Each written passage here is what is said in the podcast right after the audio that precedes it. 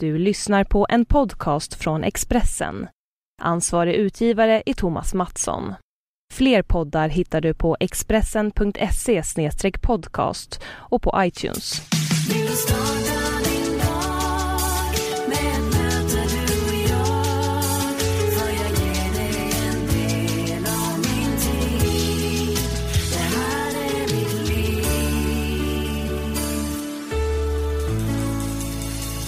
Välkommen till avsnitt 90 av Livshjulet med mig, Anna Hegerstrand. Jag är tillbaka med en ny gäst och den här veckan är det skådespelerskan Susanne Thorsson som gästar mig här i Expressens podcaststudio.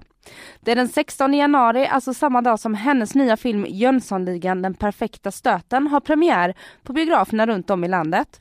Och Susanne har just nu ett hektiskt schema med intervjuer och galapremiärer i olika städer så jag är naturligtvis väldigt glad över att hon hann slinka förbi studion och bjuda oss på sitt livshjul. Och det kommer här, varsågoda. Eh, Jönssonligan är ingen barnfilm. Eh, nej det är ingen barnfilm mm. men det är ju en, den är ju ändå definierad som en familjefilm. Alltså den är från 11 år och man får ju gå från 7 med förälder. Eh, men jag tror så här att många vuxna tycker så, åh den verkar så mörk och lite läskig. Men de barn som har tittat har älskat den. Jag har haft flera i min familj där som, eh, min systers barn som är från 14 och neråt. Och min eh, 12-åriga systerson, han var så här, det var 10 av 10. Han var inte dugg rädd. Så den är ju underhållande och jag tror att barn är mycket mer vana också att se eh, lite småläskiga saker än vad vi tror. Men tittar på Lejonkungen så är den också rätt läskig. Jag gråter varje gång jag ser Lejonkungen. Ja, och nej men så att jag tror att de vuxna har lite överdramatiserat det här för den är verkligen underhållande och rolig. Så jag skulle säga verkligen att från 11 så är den absolut ingen fara. Eh, och är man under så då är det väl bra att ha föräldrar med sig. Men, ja. Och nu när vi sitter här då har det, det är premiärveckan. Eh, när lyssnarna hör det här så hade filmen premiär i fredags. Mm. Eh, alltså idag. och eh, det har varit en hektisk vecka för dig. Ni hade premiär i Stockholm i måndags, eh, Göteborg igår. Nej, Eller var det onsdags? Mm. Ja. Hur, eh, hur mår du? Nej men jag mår bra, det har varit en jätterolig vecka verkligen. Vi hade ju premiär i måndag så jag hade ju bara sett filmen en gång och det var med de andra skådespelarna.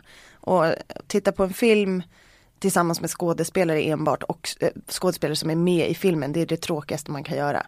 För alla sitter ju bara och tittar på sig själva och tar inte in någonting av vad som händer så det är ju inte ett skratt utan folk sitter ju bara helt fokuserade på sina egna ansikten. Så det kan ju döda vilken film som helst. Därför så var det extremt roligt att se den i måndags med en vanlig publik. Eller det var en premiärpublik men det var ändå en full salong på Rigoletto och liksom jättebra respons och reaktioner. Och, nej men det var superkul. Så jag fick massa energi av det. Och, ja, och samma sak i onsdags i Göteborg. Men då var, hade jag ju varit med om det en gång tidigare. Men det är, det är verkligen en film som ska ses på bio. Och eh, gärna i en fullsatt salong. Ja. det, den mår bra det. Och det är ju så extremt mycket tekniskt, liksom ljud och effekter och så som ska upplevas i en biograf. Många svenska filmer kan ju vara så att man känner att men den kan jag hyra, det, det går lika bra hemma. Men det här är mer en biofilm. Var du rädd för vad, vad kritikerna skulle säga? Men Jönssonligan är ju så eh, sånt inarbetat koncept och, och med Gösta Ekman i huvudrollen och allt sånt där. Eh, att, att man gör om en så pass omtyckt film eller så pass omtyckta filmer? Ja, eh, vi har ju tidigt fått stöta på vad eh, folk har att säga. Alltså alla har en åsikt. Och det har ju varit ovanligt. Eh, alltså jag har inte varit med om det förut men det har ju också varit lite intressant och ganska kul. Eh, inte minst den här senaste veckan. För att eh, många har ju varit skeptiska och tyckte att liksom varför gör man om Jöns Jönssonligan och men liksom rör inte vårt arv och det har varit alla möjliga kommentarer men de har oftast inte sett filmen. Utan när folk väl har börjat se filmen så blir responsen annan.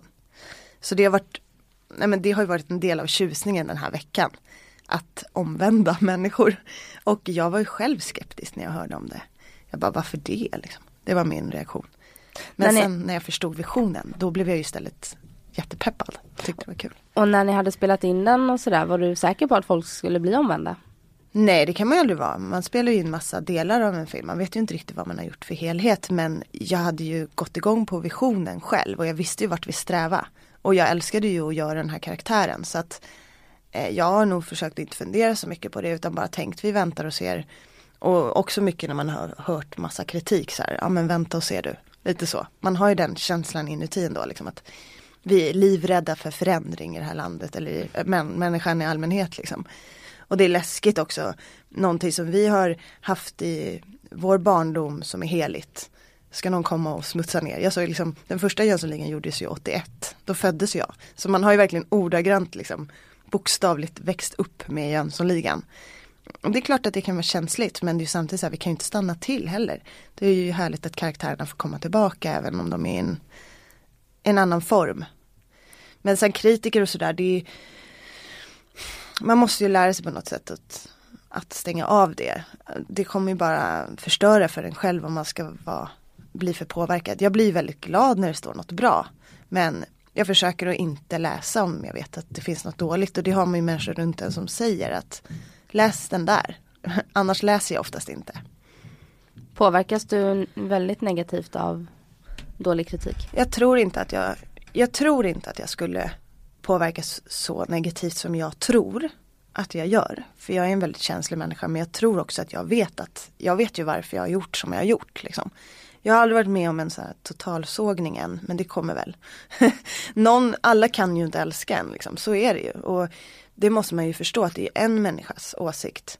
Men i och med att den når ut till så många andra så blir det ju jobbigt. Men jag försöker verkligen att Nej men, jag menar man får ju se det från om jag är nöjd så är jag ju nöjd. Och om jag inte är nöjd, då spelar det ingen roll hur mycket beröm man får. Lite så är det, så det är väl det jag försöker hålla mig till. Sen är ju det lättare sagt än gjort. Men jag är ju rädd för att läsa något dåligt. Mer än att kanske läsa det. Det är ju oron som är det värsta. När man liksom tänker bara, tänk om det står. Som, man, som i morse när jag kom hit och såg tidningarna hänga där. Och jag har inte tittat liksom. Det är obehagligt. Den känslan är ju. Men oron är oftast värre än, än när man väl vet någonting tycker jag. Ja, jag, jag är alldeles för nyfiken för att inte ta reda på det som oroar mig. Ja, nej men det är jag med och jag har ju hittat mig själv i kiosken på premiärdagar klockan 06.30 på morgonen liksom köpandes alla tidningar flera gånger fast jag innan har bestämt att nu den här gången ska jag inte läsa. Så att jag vet ju att innan den här dagen är slut så kommer jag ha koll på varenda recension. Hur kaxig jag är att vara så här tidigt på morgonen. Ja. Och du har ju nypremiär också ikväll på Kom igen Charlie. Jajamän det har jag. Så det är fullt upp. Mm. Mm. Ja men det är jättekul. Vi har ju spelat 50 föreställningar så vi har väl relativt bra koll på den där pjäsen. Um, jag har faktiskt aldrig spelat någonting så många gånger förut. Men um, det blir ändå roligt och vi spelade igår en gång för att kolla att vi hade kvar eh, våra repliker och scenerier och det gick bra. Men det ska bli extremt roligt att spela för publik. Vi stod ju och spelade för en tom salong igår och det var ju en märklig upplevelse när man har spelat 50 föreställningar för publik. Det är ju nästan som en tredje, alltså deras skratt och deras reaktioner är ju nästan som repliker så ibland kommer vi bort oss bara för att vi inte fick skrattet. Mm. För man tänkte vad gör jag nu? För man har liksom några sekunders paus där man har fyllt med, det fylls med skratt. Så det var lite märklig upplevelse men det blir kul ikväll då. Och köra igen. Mm, och ni spelar den eh, på Oscarsteatern ända fram till i påsk. Ja precis. Och du sa till mig eh, tidigare här att du har jobbat jävligt mycket. Inte varit ledig så mycket. Mm, mm. Eh, 2014 var ju ett riktigt arbetsår. Ja. Och så fick du en veckas semester här i julas. Det fick jag. Då var jag i Florida och eh, bara hade det väldigt bra hälsade på några vänner och ja, jag, var, jag åkte ensam så jag hade jättemycket tid att bara liksom upptäcka en, en del av Florida som jag aldrig varit i och um, liksom läsa och ja, ta det lugnt och framförallt se ljuset. det hade ju varit en rätt mörk höst så det var ju underbart att bara få lite sol och energi. Och hur ser 2015 ut för dig nu då?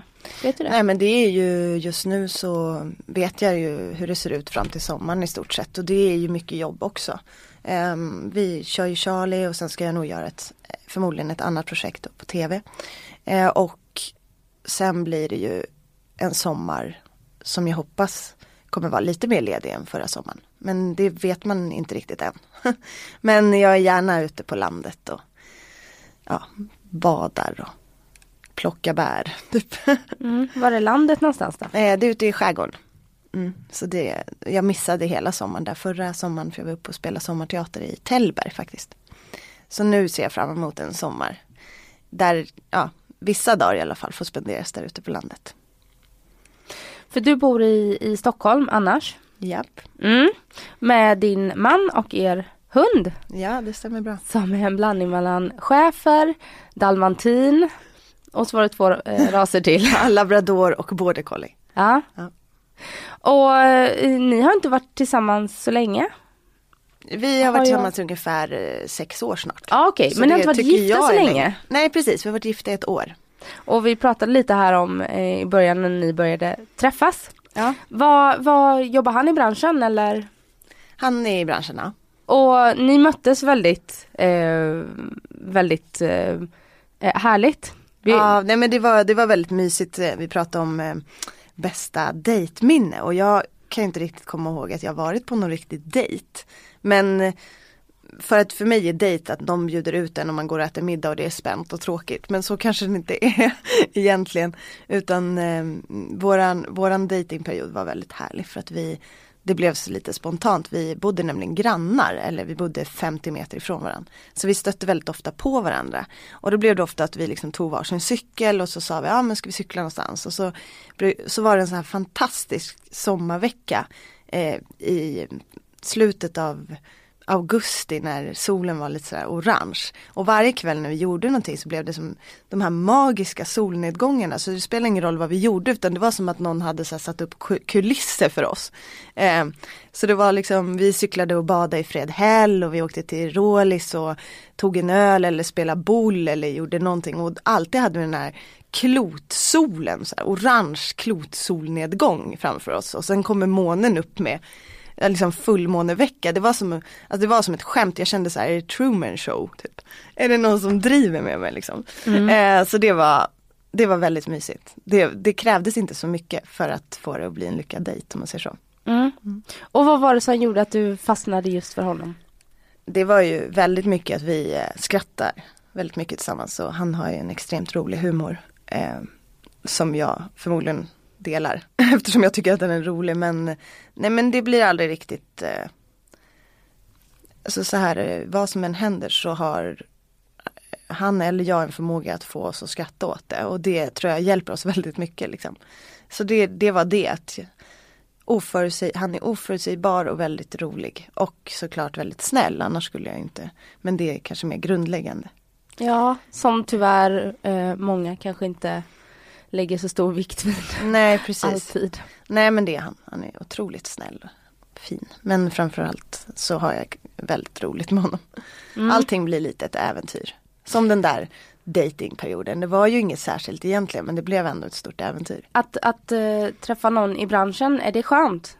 Men det är ju jätteskönt för att vi förstår ju varandra väldigt bra och vi vet vad vi har för liv och jag kan tänka mig att om, jag har aldrig under mina år i branschen så har jag haft två förhållanden och båda har varit med eh, personer som också har jobbat i branschen fast på olika, inte på samma roller men men jag tror, så därför har jag inte upplevt att vara tillsammans med någon som har liksom ett helt annat jobb.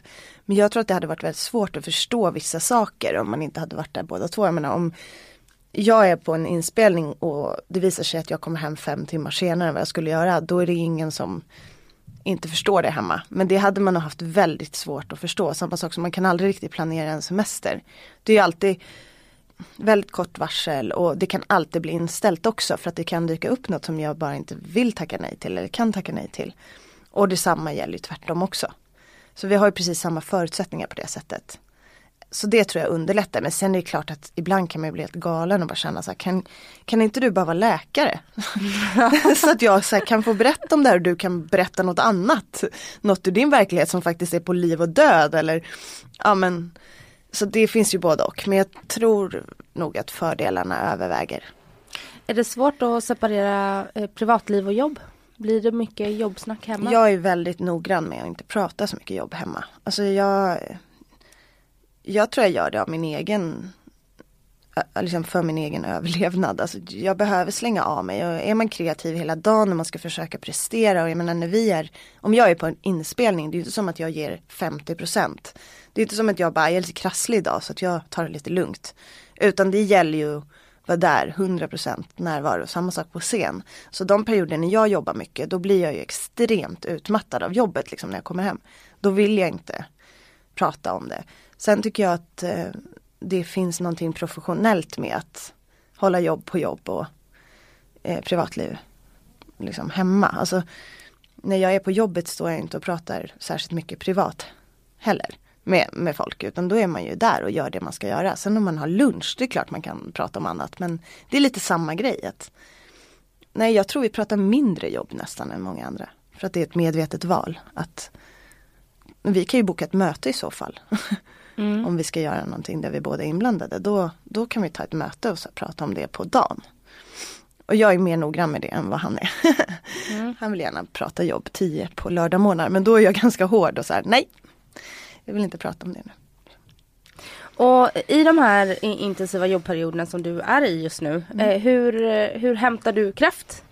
Men det är väldigt mycket genom att, Eh, och bli fysiskt utmattad. Alltså träna, promenera, jag har ju hunden vilket gör att man automatiskt måste gå ut och gå varje dag. Jag tror att det hjälper mig jättemycket för jag är, har alltid varit så beroende av att röra på mig. Jag har alltid varit eh, jag, jag tycker det är extremt kul att motionera. Men jag, för mig har det alltid varit en, en social grej. Så jag har varit, spelat fotboll, jag har ridit, jag har gjort sånt sedan jag var liten och det har ju varit för att träffa mina kompisar. Men nu har det hållit i sig lite, jag märker att när jag får motion och liksom frisk luft och så här, då mår jag bättre psykiskt. Så att för mig har det aldrig handlat om utseendet riktigt. Som det tyvärr gör för många. Men om det inte har varit för någon roll där det har varit så här, nu måste du bli stark, vilket jag varit med om. Så här, du måste bli biffigare. Vilken roll då? Eh, I Incognito så var det ju så. Eh, en tv-serie jag gjorde och sen även i, i den här perfekta stöten så eh, skulle jag ju bygga upp rygg och axlar ganska mycket för att Rocky är mera satt än vad jag är. Liksom. Hon har suttit i fängelse, haft tid att träna, hon är starkare, hon är lite hårdare. Och även psykiskt lite hårdare och då är det väldigt bra att utgå från det fysiska. Um, nej men så det är mitt, det är mitt återhämtningsrecept liksom. Ta en timme och gå och träna och jag har ju också, jag tränar med en, en eh, personlig tränare som är en väldigt så här, stor investering för mig i mig själv alltså, och i mitt jobb såklart. För det är ju, det här jobbet kräver att man är i form. Man orkar inte göra actionscener om man inte har eh, kondis. Liksom. Så enkelt är det. Så mycket av det jag tränade för Rocky, det kanske det syns inte i filmen. Men de scener vi spelar in är extremt krävande rent fysiskt. Eh, när vi springer, för man springer inte bara en gång, man springer ju typ, ja men säg 20 gånger för du tar olika bilder och olika tagningar. Eh, och från olika vinklar och så här. Så att, och det ska ju se lika bra ut varje gång för man ska klippa ihop det. Så det, är mycket, det var mycket sånt. Eh, så, så det är ju dubbelt, det är både för jobbet och privat som det är bra för mig. Mm. Och vad, vad, är det styrketräning då främst? Eh, ja nu? det är allt möjligt. Alltså, som jag sa, så här, ut och promenera, springa och med honom kör jag mest styrka. Mm. Mm, det är väldigt bra mental träning också för mig. Alltså, det tror jag många skulle må bra av mentalt. Att, så jag har alltid tänkt när man känner att jag behöver en terapeut. Jag behöver någon att prata med. Då, då har jag kommit på att det här är egentligen bättre terapi för mig. För att även om inte han och jag står inte och pratar om problem men jag, jag hittar oftast mina lösningar på det sättet. När jag går därifrån så har jag en annan energi och då hittar man liksom lösningen. Så det hjälper. Det psykiska och det fysiska hänger ju verkligen ihop. Ja det gör ju det. Har du gått till någon mm, terapeut någon gång? Då? Ja jag har gjort det, det funkar inte alls alltså. Hon satt ju typ och blundade under våra sektioner, jag förstod ingenting. Är inte det du som ska blunda? ja, nej, men det kändes som hon höll på att somna liksom så jag, nej jag gav upp det var inte min grej.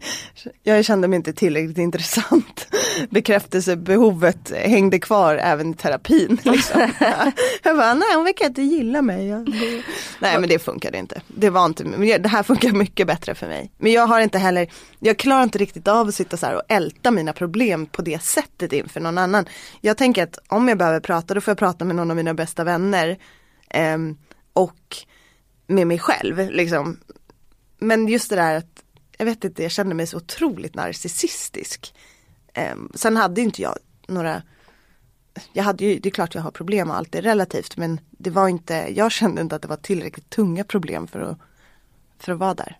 Men jag tycker att man ska prata med någon och jag, jag, ska, jag ska nog prova igen någon gång i framtiden. Men just då var det var nog inte rätt period för mig. Liksom. Nej för jag kan uppleva när man sitter och pratar med vänner och sådär att om man pratar för mycket om sig själv att man känner sig för narcissistisk. Men det är därför det är så skönt att gå till en terapeut för där ska du vara det. Ja, du betalar du för att hon ska lyssna på dig. Men det har du rätt i och jag tror att eh, problemet här är att jag inte känner mig narcissistisk med mina vänner utan de, jag får den plats jag behöver.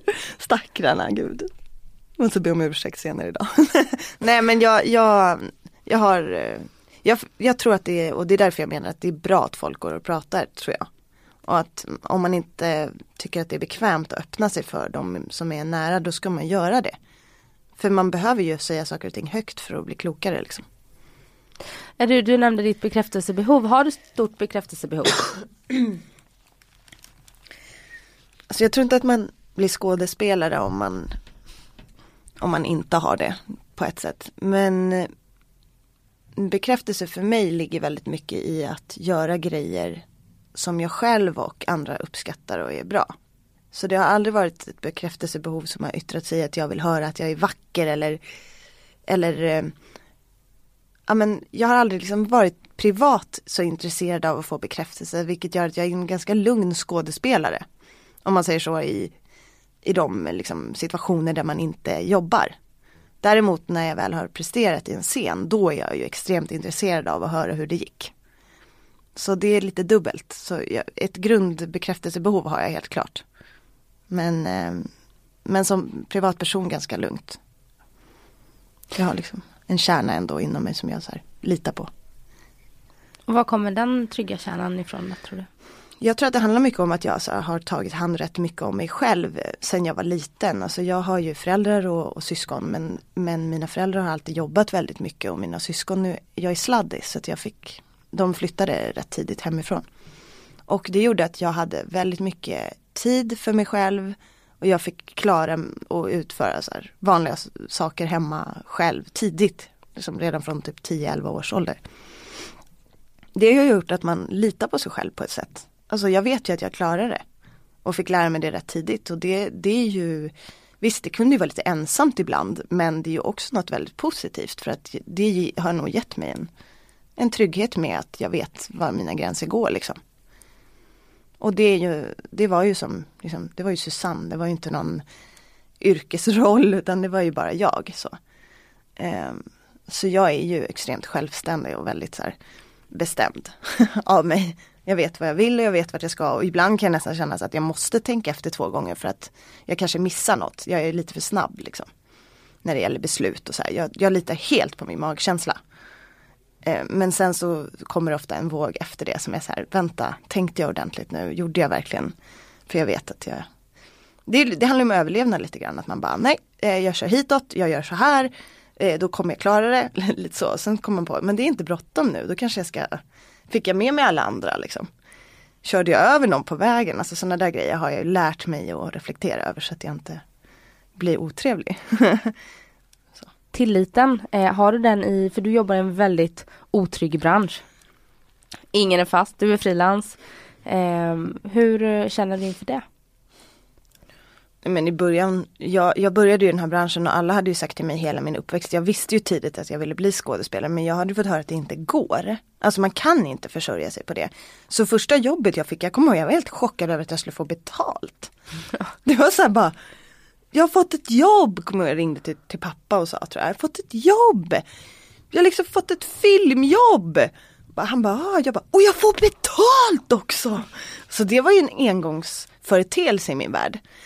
det var så vad kul, vad ska jag göra för de här pengarna? Typ som att jag hade vunnit på Lotto. Men, eh, nej men så, så, med den inställningen så blir det lite enklare. för då blir ju allt lite en bonus så. Men nu har jag nog lärt mig hantera frilanslivet ganska bra. Sen är det alltid perioder när man känner så här, jag kommer aldrig mer få ett jobb. Vad tråkigt att det tog slut här. Men det brukar ordna sig. Så det är väl min vanligaste liksom, kommentar och det jag säger mest till mig själv och till andra under de perioderna. Det brukar lösa sig. Eh, och hitta något lugn i det. Och se tiden av ofrivillig ledighet som typ en tid för reflektion. Och liksom, hur kan jag göra nästa roll bättre? Vad, vad gjorde jag inte så bra som jag hade önskat och vad var bra? Vad lärde jag mig? Liksom. Så det är, skit, alltså det är skönt att man ibland får de grejerna. Att eh, hinna tänka igenom det. För annars, som det här året som jag gjort nu, det har ju bara varit ett enda köra på. Och jag skulle gärna fundera lite på vad jag har gjort och så. Men, eh, men det är inte som att man tackar nej till jobb för det, för det är ju väldigt kul att jobba. Så det är inte som att man, nej jag kan inte jobba, jag ska reflektera. Så skulle jag inte göra. nej, jag förstår det. Och du eh, var medverkade i din första film, när var det? Var det 2007? Nej, eller jag, jag var ju med i lite olika saker sådär med lite mindre roller. Säkert var jag det 2007. Men den stora rollen som jag ändå ser som så mitt första riktiga jobb det var ju Puss. Mm. Av Johan Kling och det var ju 2000 Jag tror vi spelade in 2009. Ja den hade premiär 2010. Ja men vi, det var ju, det var ju lite, vi började spela in sen fick vi avbryta och så spelade vi in året senare. Så jag tror att eh, det var 2009 som vi spelade in liksom hela filmen om man säger så. Så det skulle jag säga att det är mitt första riktiga jobb egentligen. Och sen dess har du medverkat i bland annat En gång i Phuket, eh, Cornelis, eh, I rymden finns inga känslor och så nu Jönssonligan. Mm. Och eh, även Medicinen. Mm. Vad, hur tänker du framåt? Mm. Med vad med? Vad, vad vill du göra framåt? Vill du stanna i Sverige eller? Mm, jag, vill, jag vill framåt göra precis det som jag har gjort nu. Alltså jag har ju ändå haft, tycker jag själv, så här, tur att få göra olika typer av roller. Och eh, Jag har ju även gjort tv och, och teater. Alltså det är ju hur härligt som helst att jag har fått blanda på det sättet. Och också så här, ha, ha en del att säga till om i vissa karaktärer. Som i Jönssonligan, Rocky att få göra en tjej som faktiskt inte är där för att hon är någons kärleksintresse utan hon har egna styrkor som de behöver. Det kan låta självklart men det är inte alltid så självklart om man tittar på, på tjejroller. Liksom. Eh, hon är, finns inget så här, liksom, hon har ingen, ingen, hon är inget sexobjekt överhuvudtaget. Hon är bara en av dem. Och eh, jag tycker att hon har väldigt så här, cool personlighet jag skulle jättegärna vilja utveckla den rollen ännu mera. Så om det skulle gå bra och vi får göra fler filmer skulle det vara jättekul. Sen så jobbar jag gärna utomlands också. Alltså allting som kan bredda, bredda en och göra att man får uppleva fler arbetssituationer och nya sammanhang är ju hur kul som helst. Så att det är klart och där finns det ju andra möjligheter så att det skulle jag inte tacka nej till heller.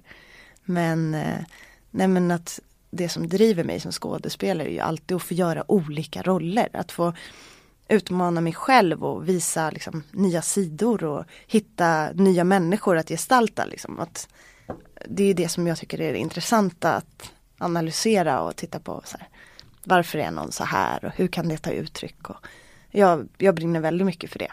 Tycker det är jätteintressant. Och vad är roligast, att göra film eller att spela på teater? Men eh, när jag började, med, började som skådespelare så var det teatern som var min drivkraft liksom. Men nu har det blivit, nu vill jag ha både och. Det som, så fort jag varit på teater längre då bara, åh gud jag vill filma. När man har spelat in en film, då, nu vill jag verkligen stå på scen. Alltså det är som en längtan som måste mättas typ båda två. Så att eh, jag kan inte välja. Utan Däremot så här, många som frågar, gillar du komedi eller drama mest och sådär. Och det är ju samma sak. Alltså, det är som att allting hör ihop. Jag tycker det är hur roligt som helst att spela komedi och det är jättekul att få folk att skratta liksom. Men det är också extremt härligt att hitta någonting som berör eller Alltså att skratta är ju att beröra men, men också få folk att känna andra känslor. Liksom. Men jag skulle inte vilja göra det ena utan det andra. Mm. Eh, Torsten Flink sa till mig en gång att en riktig skådespelare är den som har förmåga att känna ångest. Mm. Så nu undrar jag, är du en riktig skådespelare eller är du i kontakt med din ångest? Nej, nej jag skojar. Men det är klart man är. Alltså, som skådespelare så känner du alla känslor och man är väldigt mottaglig eh, för känslor och energier, eller i alla fall jag är det. Jag tar upp det mesta hela tiden runt mig och det innebär att man tar upp väldigt mycket ångest också jag vet inte alltid var ångesten kommer ifrån men det kan ju, det kan ju komma från någon annan som, som jag eh, noterar och liksom känner oh, och tror att det är jag. Ja du är så lite högkänslig, high verkligen. sensitive. Ja, det är jag verkligen. Och det är därför jag måste hitta mina metoder också för att så här, skaka av mig det. Och det har ju varit då mycket träning, eller, eller inte mycket träning men alltså att motionera och komma ut. så. Men, men jag, jag, jag håller inte alltid med om att man måste må jättedåligt för att vara en bra skådespelare. Så man måste grotta sig i ångesten. Utan jag tror bara att man är en människa och det är klart man har alla känslor. Livet är ju inte alltid perfekt.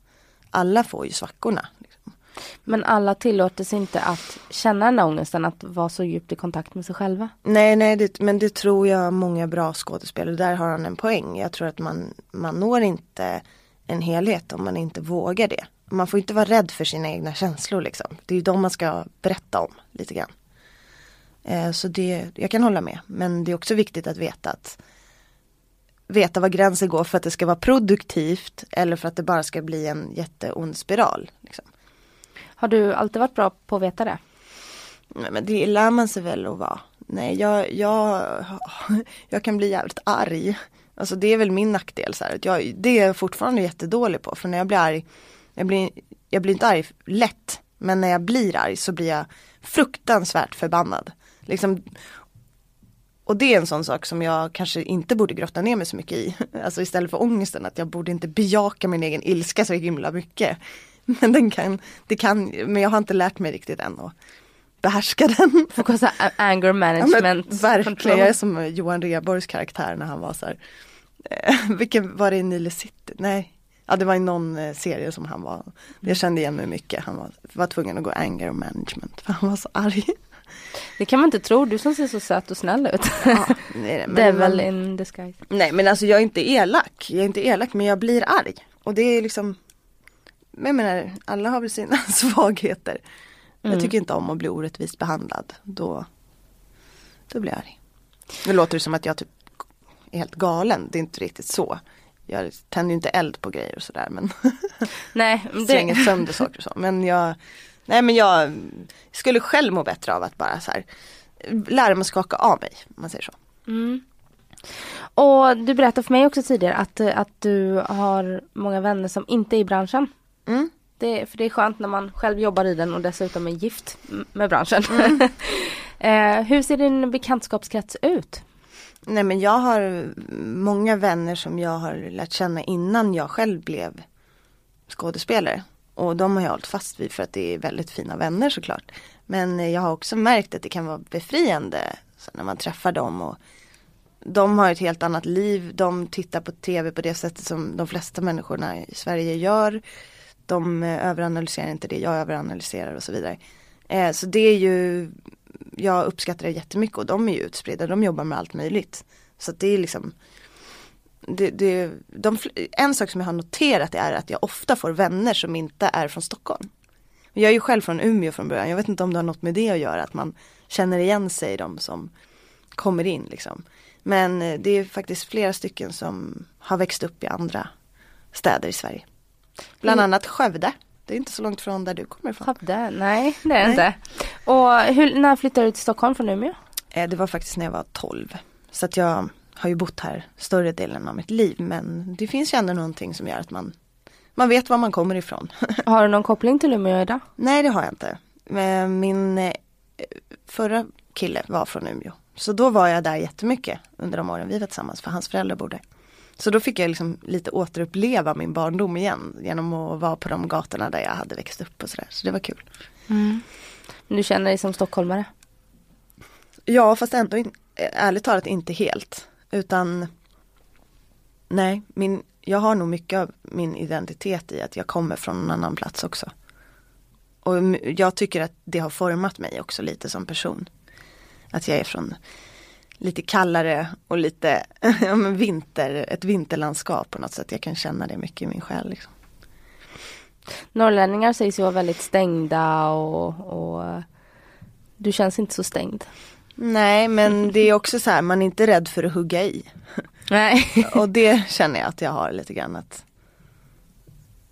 att jag, jag tycker, när jag träffar människor som är från Umeå så kan jag känna igen mig väldigt mycket i deras personligheter faktiskt. Det finns någonting där. Och, nej, men man är van att liksom man får ta i tills det är klart. Man kan inte hålla på och ge upp. Lite sådär. Det är livsinställning som jag tror att jag har. Mm. Och på tal om att hugga i, eh, hemma. Eh, hur ser det ut eh, med eh, fördelningen? Det tycker jag alltid är så intressant. Ja. Det är för att jag har blivit sambo inte för så länge sedan. Ja, okay. Så jag frågar alla nu hur, hur könsfördelningen ser ut ja. hemma. Hur gör ni? Um, nej men alltså det är lite intressant faktiskt. Jag är ju byggaren. Uh, jag är, uh, har jag blivit kallad byggare Bob i 15 år nu av min, en av mina tjejkompisar som jag bodde med i fem år faktiskt. Där i vår relation så var jag byggare Bob. Och jag har liksom behållit det så jag är ju så här i, i mång, mångt och mycket den som, som spikar, borrar, fixar. När det är sådana saker som ska göras. Eh, sen är det så här, vi har försökt dela upp det lite så, så roligt att prata om. Men, alltså som att eh, jag tycker det är så här skönt att tvätta. Det tycker jag är lätt. Man tar kläderna, slänger in och trycker på en knapp. Sen tycker jag det är tråkigt att hänga upp tvätten. Så det kan han, då får han hänga upp tvätten. Han tycker det är rätt trevligt att fylla diskmaskin och ta ur den. Så då gör han det. Så vi har nog mer gått lite på det som vi tycker är det som är skönt att göra, liksom, det som inte tar emot. Jag har liksom fobi för att tömma soporna i köket. Jag tycker det är jättejobbigt. När, det är en så konstig grej men när den är full. Jag blir så irriterad också när man inte bara kan slänga grejer. Så det är också en sån här grej som jag gärna ser att han tar. Och han har ju inget emot det då som de flesta normala människor inte har. Så. Eh, men mat och sådär, vi försöker ju dela så mycket vi kan. Men liksom det, det blir den som har mest att göra helt enkelt som får slippa lite. Mm. Men sen blir det mycket så man köper med sig och sådär för att vissa perioder går inte att ha ett normalt vardagsliv. Så är det ju. Men vi turas om och hjälpas åt så att det finns frukost och sådär för det tycker jag är viktigt. Att man, att man får i sig något innan man går på morgonen liksom. Har ni tjafsat mycket innan ni lärde er? Eh, ja det gör vi fortfarande. Alltså om, om det här, det, liksom, det här känns ju som att man kommer hålla på med hela livet. Man kommer aldrig vara nöjd med vad den andra gör. Man kommer alltid känna att man själv gör mer. Alltså lite så är ju inställningen. Så vi, det är klart att Alltså vi, men det roliga är att vi båda två kan tjafsa. Alltså det är inte som att jag säger så här, men nu är det stökigt. Utan det är mer att vi, det, vi turas om liksom om att det är dammigt eller det är stökigt. Och den andra borde ha dammsugit. men, men jag är nog mer så här, om, om jag får en tillsägelse då dammsuger jag. Men min man blir så, han är lite pedant så han blir irriterad mer på så här kläder och sånt mm. som jag tycker är jättebra när det ligger som man ser det. Det är så jobbigt att leta i garderoben. Om man har ordning i garderoben så blir det inte så svårt. Nej men den är så liten. Skulle behövt lite större utrymme. Jag har länge funderat på om det verkligen är det allra bästa i en relation att bo ihop. Tänk om man skulle ha varsin lägenhet precis bredvid varandra. Mm, där det... man får ha det som man vill och så kan man vara hos varandra så mycket man vill. Det hade, varit, det hade kanske varit bra men lite tråkigt också. Och vi ska eh, sätta lite betyg på de här eh, tårtbitarna i livshjulet nu. Mm -hmm. eh, konkreta betyg från 1 eh, till 10 så som de känns just nu. Okay. Och då börjar vi just med kärleken och kärleksrelationen just idag. Noll. Nej jag skojar. Det var trist Nej, men alltså, Ska jag vara helt ärlig just idag eh, efter en sån här vecka så är inte kärlek man har prioriterat direkt. Eh, så det ser jag fram emot eh, till nästa vecka. Så jag kan inte sätta liksom Vi får inte vara för glättig i det betyget utan eh, Då tänker jag det är ju inte dåligt Utan det handlar om tidsbrist så då får man väl se det som att man har inte hunnit Mer riktigt, kanske en sexa då. Mm. Nej men sätt en sjua. Hade vi en gjort den här intervjun nästa, nästa fredag? Då hoppas jag att jag satt en alltså, En åtta, nia. En tia, det, det får man ju vara lite sparsam med. Det var den där eh, tiden då ni träffades. På första veckan. Nej men det är en tia ibland. Men då, då vill man ju ha mycket tid ihop om det ska vara en tia. Alltså det ultimata är när man får umgås. Mm. Och familj och vänner. Det sociala nätverket. Är det också just idag eller? Mm. Tråkigt att det här blir lidande eh, på grund av Men du förklarar ju också varför det blir lidande. Ja, men ändå tycker jag att det är en Jag skulle säga en sjua där med för det var extremt, även om jag inte hann prata mer än tre meningar med min familj till exempel i måndags så var faktiskt alla där. Alla mina syskon kom på premiären och flög från alla delar av världen. Ja, vad kul. Så min bror från Zürich och min andra bror som var i Finland och min syster från Linköping och hennes barn eh, och mina föräldrar. Så det var jättehärligt och min mans familj kom från Göteborg. Så, så man kan inte klaga även om man inte hann med så mycket kvalitetstid så var de ändå där och man fick se dem och det var jättemysigt. Mm. Är ni tajta i, i din familj? Men jag och min syster är liksom har en väldigt härlig relation för att hon har ju fyra barn som jag är jättenära med. De bor i Linköping men sen de kom så blev det också en naturlig kontakt mellan oss för hon är ändå 12 år äldre än vad jag är. Mm. Så vi bodde ju inte tillsammans så länge. Eh, men sen hon fick barn när jag tog studenten så har jag liksom, ja men vi har en ständig kontakt om man säger så. Sen i och med att de inte bor här så ses vi inte, vi ses ju inte jätteofta men vi ses ändå några gånger per halvår om man säger så. Och då blir det ofta att barnen kommer och bor hos mig eller jag är där och då är man ju där lite längre. Eh, så det, det är jag väldigt glad för. Min bror i Zürich, vi har ju också en, vi har en bra kontakt men vi är ju olika länder så det blir liksom mycket WhatsApp hit och dit. Och bilder som skickas fram och tillbaka. Mm. Men det blir inte så ofta att man träffas. Hur går dina tankar kring eh, egen familj och egna barn? Nej men jag vill verkligen ha familj och det går just nu tänker jag väl på att det börjar verkligen bli läge att försöka ta tag i det men det har som sagt varit ett år av annat. Men det ligger ju i, i min värld att det ska hända. Liksom. Och jag vet ju att jag inte är 19 längre så att eh, Men det finns ju liksom Klart att det finns tankar på det hela tiden och, och jag skulle inte vilja vara utan en familj. Liksom. Jag tycker ändå någonstans att det är lite halva poängen med livet va. Att, eh, att ha barn. Så. Jag har varit lite bortskämd med min systers barn också. Med att ja, hon har, du har ju lite. Efter, med att hon har fyra också, de är mellan fyra och fjorton. Så det är ju Det har ju hela tiden funnits någon att hänga med där så så har man lämnat när det blivit lite jobbigt. Då bara, nu måste jag åka hem. Ja. nej men, eh, men vi får se. Alltså det, allt tar ju sin tid. Liksom. Mm. Men på vårt bröllop blev det väldigt tydligt att eh, det finns många i vår omgivning som väntar. Han var ingen som drack champagne mer än ni.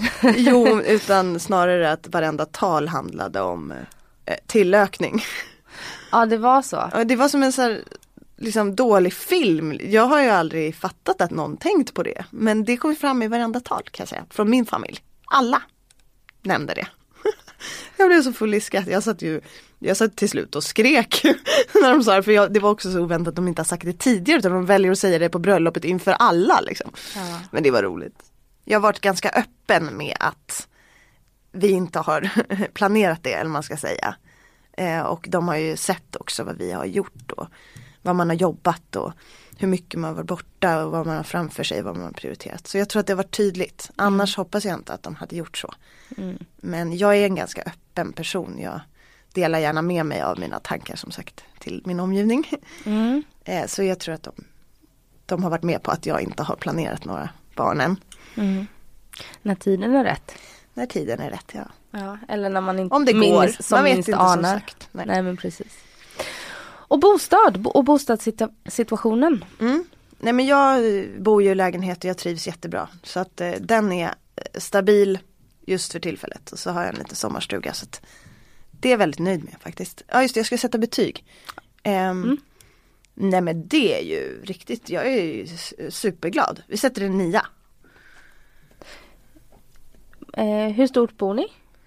Nej vi bor inte så stort, 65 kvadrat. Mm. Det duger bra för oss. Och en hund. Jag har aldrig gillat när det är för stort. Jag vill ha litet som man, typ, ja men så det är mysigt. Mm. Liksom. Och du är en stadsråtta, du vill bo i innerstan? Jag bor faktiskt inte i innerstan just nu. Men eh, jag har gjort det väldigt länge och eh, jag är ingen stadsråtta. Jag behöver skog och vatten. Så jag kommer nog eh, aldrig vilja bo inne i stan igen. Eh, jag hamnade inne i stan under 12 år och det var fantastiskt under den perioden men För då bodde får... du verkligen inne i innerstan? Då bodde jag i Gamla stan ja. så det var verkligen eh, super innerstan. Men jag trivs så himla bra när man kan gå ut och lätt komma ut bara i naturen. Jag behöver det. Så det, det ska jag fortsätta göra. Det är därför jag trivs ännu bättre nu när jag inte bor mitt i stan längre. Men jag bor ju rätt centralt ändå. Det är norrlänningen i dig. Mm, det är det, jag säger det. Det finns grejer där va. Och karriär och jobb just nu? Ja det har ju varit jättebra och roligt och positivt verkligen. Så det får vi ju sätta en eh, Vi säger nia där med då. Det kan ju alltid bli bättre, man får inte nöja sig. Två premiärer på två veckor. Okej okay, vi sätter en tia, det känns, det känns nästan lite mm.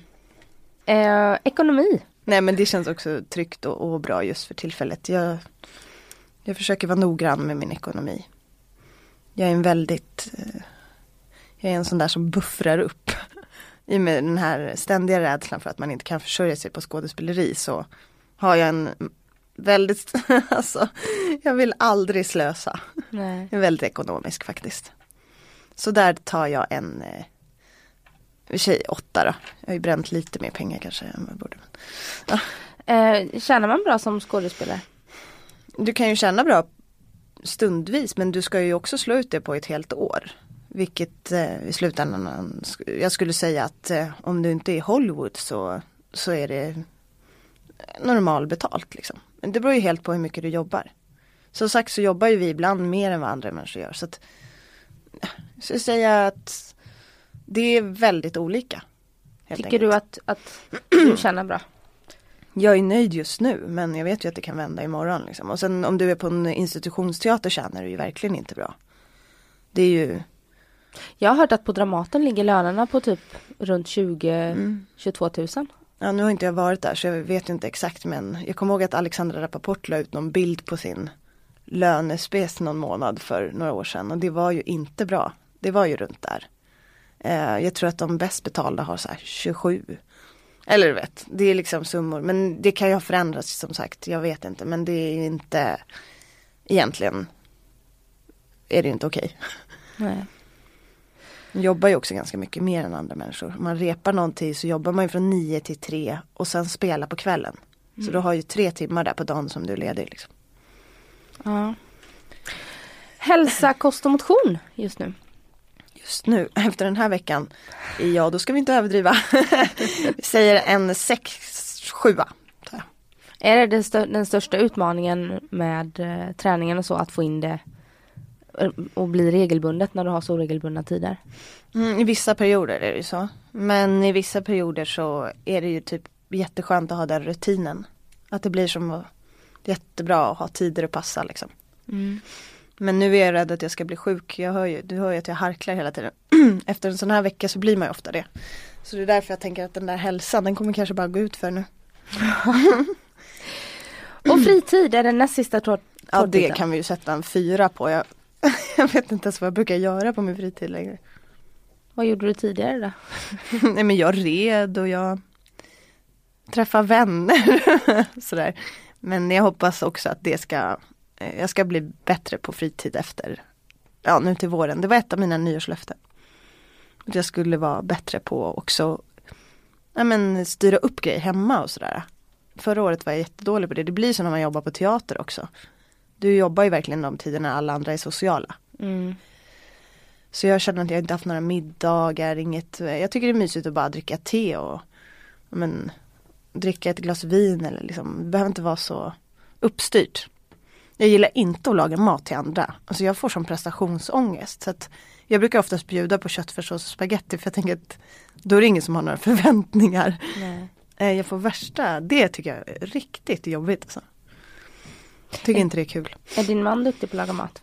Nej, ingen av oss är det. Så att eh, alltså vi kan ju laga om vi anstränger oss men ingen av oss har något självförtroende direkt i att laga mat. Så att eh, jag kan nog laga ganska bra mat om det är bara han och jag. Då skulle jag kunna experimentera. Men när vi har folk på besök.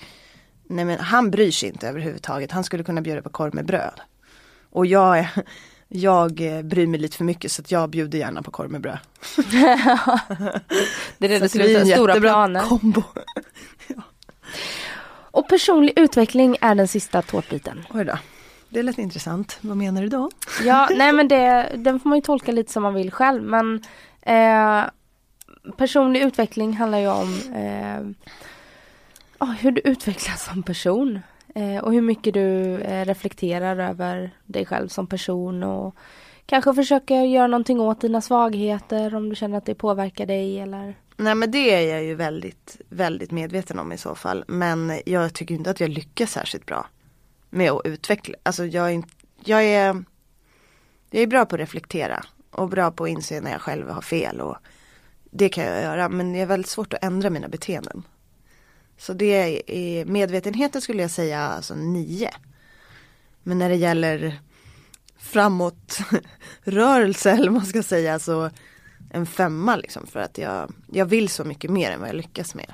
Har du något beteende som du vill förändra som du inte lyckas med?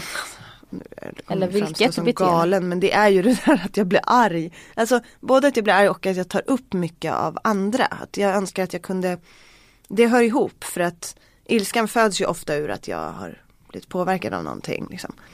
Så att bli bättre på att slänga av mig saker. Och liksom inte bli arg på någon det kanske blir någon annan som blir lidande då. Typ. Jag är inte så att jag går runt och är arg på alla utan det blir ju så här min man eller Eller mig själv liksom att man lär sig att bara mm, Men Alltså inte bry sig så mycket. Man kan inte bli omtyckt av alla. Man, allt, livet är inte rättvist. Det vet jag men ändå kan jag inte liksom leva efter det utan Jag tycker att man ska vara rättvis mot mig. Annars känner jag mig trampad på. Så, eh, och det skulle jag jag skulle bara vilja bli bättre på det också av mitt eget välmående. Att jag tror att det skulle vara jättebra för mig att inte ta upp så mycket. För jag möter också så mycket människor som bär på grejer. Eh, I och med att vi, det är ett sånt yrke. Liksom. Så om jag kunde sluta koppla det till att det är något fel på mig så skulle det bli enklare att leva. För oftast är det ju inte det. Ibland är det ju kanske det men det är ju inte alltid direkt. Så, att. Nej. så det skulle jag vilja jobba med. Men, eh, men samtidigt så jag tror ju att medvetenheten är också väldigt bra. För att så länge man är det kan man ju ändå göra något åt det. Liksom, och förbättras. Även om det går långsamt. Undermedvetet kanske man också eh, jobbar lite med det utan att man tänker på det. Ja det tror jag. Det man tror jag. vill ju må bättre i slutändan. Ja. Nej men också att, att eh, jag är en sån här person som går framåt och sen när man kommer hem så går man bakåt och, och tänker var, varför gjorde jag så, var, var det där nödvändigt att säga? Men jag märkte en incident nu under julen att jag hade gjort någonting, jag behöver inte gå in på exakt vad, men jag bara märkte att jag började sådär. Och då lyckades jag faktiskt tänka så här, ja ah, det där är inget du behöver ha ångest över, det där är du. Gillar de inte det så får det vara liksom. Och så kunde jag släppa det. Ibland tänker man ju så men det går inte. Men då gjorde jag det. Så det kändes som ett steg i rätt riktning i alla fall. Sen det gjorde inte ont. Liksom. Nej. Och det samlade betyget om vi säger mellan fem som du satte och, och, och nio för medvetenheten. En sexa, sjua? Ja, ja men sätt en sexa då. Och om vi går igenom då satte du en sjua på kärlek, en sjua på familj och vänner, en nia på bostad, en tia på karriären just nu, en åtta på ekonomi, sju på hälsa, kost och motion, fyra på fritid och sexa på personlig utveckling. Jag tror vi sätter en nia på karriären ändå. Jag gillar att ha grejer att sträva efter. Alltid lite bättre i underläge. Ja, exakt. Tack så jättemycket för att du kom hit och gästade mig Susanne. Tack för att jag fick komma. Jätteroligt. Vad ska du hitta på nu då? Nu ska du iväg och repa eller? Nej, nu ska jag faktiskt eh, fortsätta med det här eh, inför premiären på filmen. Så att jag ska eh, ha lite mer pressträffar. Mm. Sådär. Men sen blir det eh, nypremiär ikväll. Så att eh, när jag är klar så får jag väl gå till teatern, sova någon timme och ladda upp batterierna igen. Lycka till säger jag då. Mm. Och som sagt, tack så jättemycket och ha det så bra. Ja men tack detsamma. Hej då. Hej då.